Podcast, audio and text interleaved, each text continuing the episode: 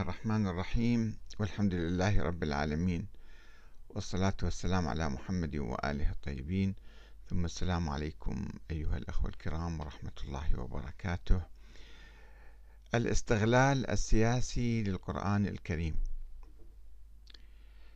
أن من يقرأ القرآن الكريم من أوله إلى آخره لا يجد فيه حديثا عن نظام الحكم أو الدستور. أو من يحكم ومن لا يحكم. هناك مبادئ في القرآن الكريم مثل الدعوة إلى العدل والشورى والعمل بكتاب الله. ولكن لا يوجد في القرآن الكريم نص واضح صريح على مثلا عائلة معينة تحكم أو شخص معين يحكم بعد النبي. ولكن ولكن آه، بعض المسلمين في التاريخ يعني في القرون الأولى حاولوا آه، تأويل بعض الآيات وإضافة بعض التفاصيل في شأن النزول والادعاء بأن هذه الآية تقصدهم وأنهم هم المقصودون آه، وما إلى ذلك. هناك آية في سورة المائدة آية 67 في سورة المائدة. يا أيها الرسول بسم الله الرحمن الرحيم. يا أيها الرسول بلغ ما أنزل إليك من ربك. وإن لم تفعل فما بلغت رسالته. والله يعصمك من الناس إن الله لا يهدي القوم الكافرين. هذه الآية من بين الآيات أو من بين آيات عديدة تعرضت للتأويل وللتحميل. تحميل معاني سياسية عليها. الآية كما ترون هي تأتي ضمن آيات عديدة تخاطب أهل الكتاب. مثلا الآية 65 قبلها و66 وبعدها الآيات الأخرى كلها تتحدث عن آه، أهل الكتاب. ولو أن أهل الكتاب آمنوا واتقوا لكفرنا عنهم سيئاتهم ولأدخلناهم جنات النعيم.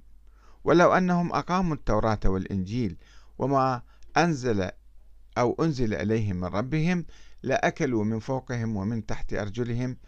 منهم أمة مقتصدة وكثير منهم ساء ما يعملون. ثم تأتي الآية يا أيها الرسول بلغ ما أنزل إليك من ربك وإن, آه، آه، لم تفعل فما بلغت رسالته والله يعصمك من الناس. إن الله لا يهدي القوم الكافرين.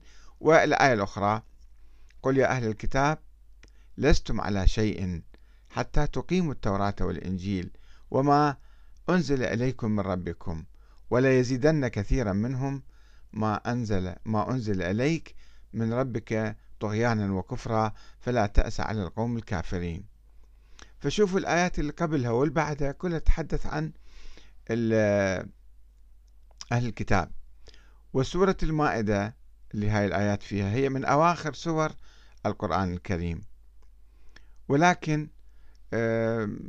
المفسرون والمحدثون يقولون بأن ليس كل الآيات المكية مكية وليست كل الآيات المدنية مدنية. قد يكون فيها آيات في الآيات المكية آيات بعدين آه، نزلت في المدينة وكذلك الآيات اللي نزلت في المدينة قد يكون النبي وضع فيها آيات نزلت في مكة. وهذه الآية اختلف المفسرون في آه، وقت نزولها.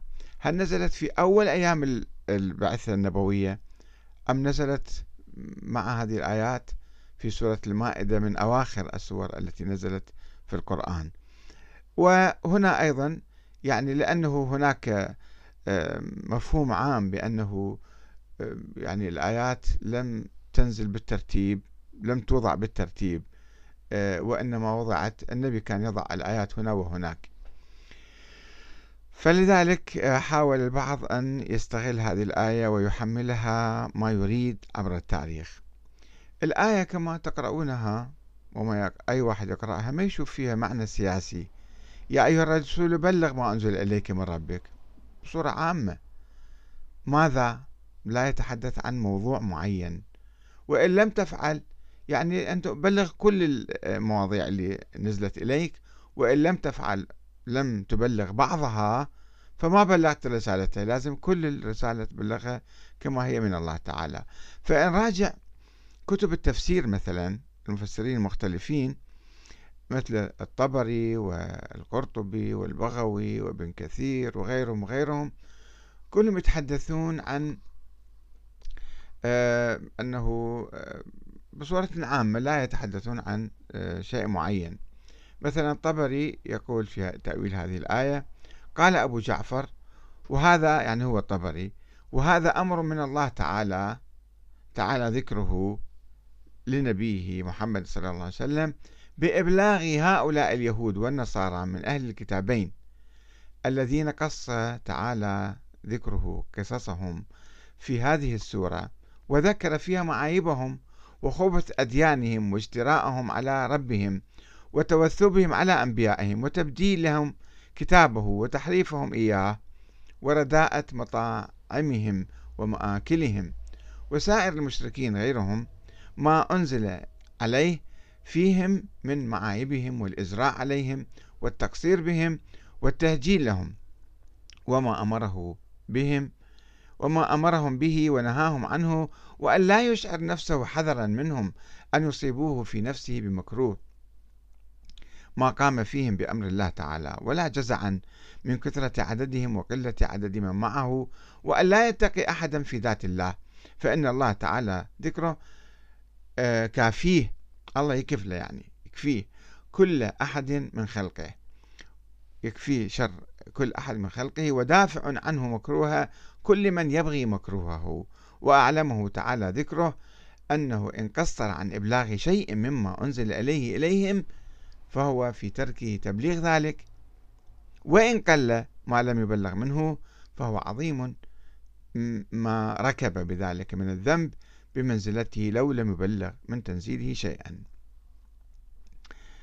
آه، وأيضا ينقل حديث آه، عن آه، عن وكيع عن حدثنا هناد قال حدثنا وكيع عن أبي ابن أبي خالد عن عامر عن مسروق قال قالت عائشة من حدثك أن رسول الله صلى الله عليه وآله وسلم كتم شيئا من الوحي فقد كذب.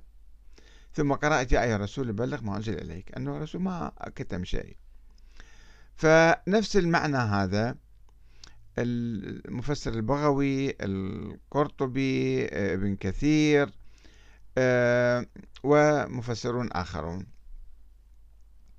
وابن كثير ينقل عن صحيح البخاري في رواية أبي جحيفة وهب ابن عبد الله السوائي قال قلت لعلي بن أبي طالب رضي الله عنه هل عندكم شيء من الوحي مما ليس في القرآن؟ فقال لا والذي فلق الحبة وبرأ النسمة. إلا فهما يعطيه الله رجلا في القرآن. يعني ما عندنا نص خاص آه، إحنا نخبيه وما في هذه الصحيفة عنده أوراق كان معلقها في آه، ذؤابة سيفه. قلت وما في هذه الصحيفة؟ قال العقل العاقلة مال الديات والكذا وفكاك الأسير وأن لا يقتل مسلم بكافر. أحاديث نبوية يعني. فإذا شوفوا الآية يعني تنصرف إلى آه، إلى عموم القرآن. أي شيء يعني أنه النبي ما يكتم وأيضا بخصوص ما يتعلق باليهود والنصارى من التبليغ عليه. أنه لا يخاف من عندهم يحكي لي آه، عنده آه، ضدهم. ولكن نجد مثلا العباسيين حاولوا تأويل هذه الآية بما يعطيهم شرعية في الحكم. السيوطي المفسر المعروف في القرن العاشر الهجري يكتب في الدر المنثور عنده تفسير في الدر المنثور يقول أخرج ابن مردويه والضياء في المختارة عن ابن عباس. قال سئل رسول الله صلى الله عليه وسلم أي آية أنزلت من السماء أشد عليك؟ فقال كنت بمنى أيام موسم واجتمع مشركو العرب. هاي الآية تقول أنه يعني نزلت في بداية الدعوة. واجتمع مشركو العرب وأفناء الناس في الموسم فنزل علي جبرائيل فقال يا أيها الرسول بلغ ما أنزل إليك من ربك وإن لم تفعل فما بلغت رسالته والله يعصمك من الناس. قال فقمت عند العقبة فناديت يا أيها الناس من ينصرني على أن أبلغ رسالة ربي ولكم الجنة؟ أيها الناس قولوا لا إله إلا الله وأنا رسول الله إليكم وتنجحوا ولكم الجنة. قال فما بقي رجل ولا امرأة ولا صبي إلا يرمون علي بالتراب والحجارة ويبصقون في وجهي ويقولون كذاب صابئ. فعرض علي عارض فقال يا محمد إن كنت رسول الله فقد آن لك أن تدعو عليهم كما دعا نوح على قومه بالهلاك. فقال النبي صلى الله عليه وآله اللهم اهد قومي فإنهم لا يعلمون وانصرني عليهم أن يجيبوني إلى طاعتك. فجاء العباس عمه فأنقذه منهم وطرده عنه وطردهم عنه. قال الأعمش فبذلك تفتخر بنو العباس ويقولون فيهم نزلت هاي الآية. لاحظوا محاولة استغلال سياسي لهذه الآية أنه إحنا حمينا النبي فإحنا يعني أحق بالخلافة.